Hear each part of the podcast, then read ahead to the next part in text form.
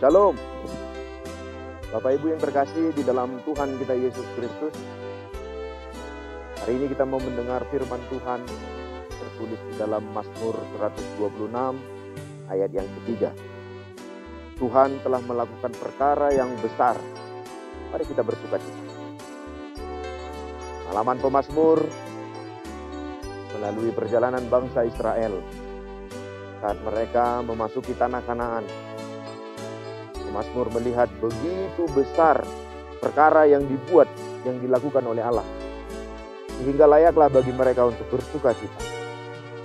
Pertanyaannya, bagaimanakah bersuka cita yang disampaikan oleh pemazmur?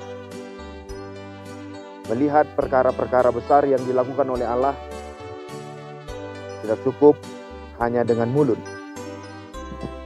Tidak cukup dengan hanya mata melihat kebesaran-kebesaran Tuhan. Tidak cukup hanya dengan melangkahkan kaki kepada ciptaan-ciptaan Allah.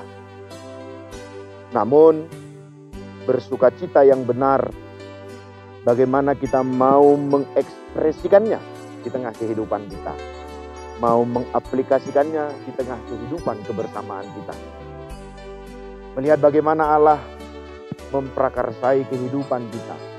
Bahkan memelihara setiap titik langkah kehidupan kita.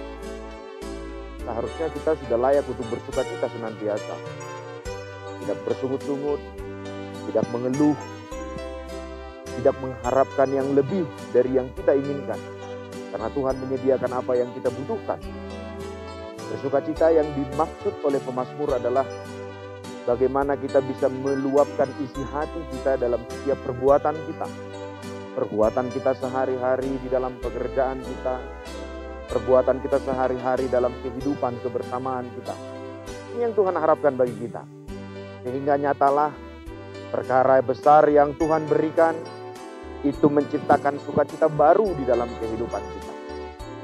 Lihat bagaimana Allah telah menyediakan yang indah telah menyediakan yang baik, telah menyediakan yang bisa kita nikmati di tengah kehidupan perjalanan kita. Namun terkadang di tengah perjalanan kita, sumut-sumut mengeluh, ini terus menjadi bagian hidup kita. Saat-saat kita bangun dari tidur, kita bisa menikmati nafas kehidupan. Dalam setiap pekerjaan, kita bisa menikmati pekerjaan-pekerjaan kita. Ini adalah perkara besar yang Tuhan ciptakan. Oleh karena itu, firman ini mau mengajak kita agar kita senantiasa bersuka cita. Seperti apa yang dikatakan oleh Paulus, bersukacitalah senantiasa. Sekali lagi kukatakan bersukacitalah. Sebab apa yang tersedia di bumi ini, apa yang kita nikmati di dunia ini, segalanya adalah perkara Tuhan. Kembalilah kepada firman Allah. Tuhan memberkati. Salam dari tim pelayanan digital HKBP Kasih Prabu Salam dari kami, dari kota Alam, Kesemah. Bersih, sehat, aman, dan ramah. Tuhan memberkati.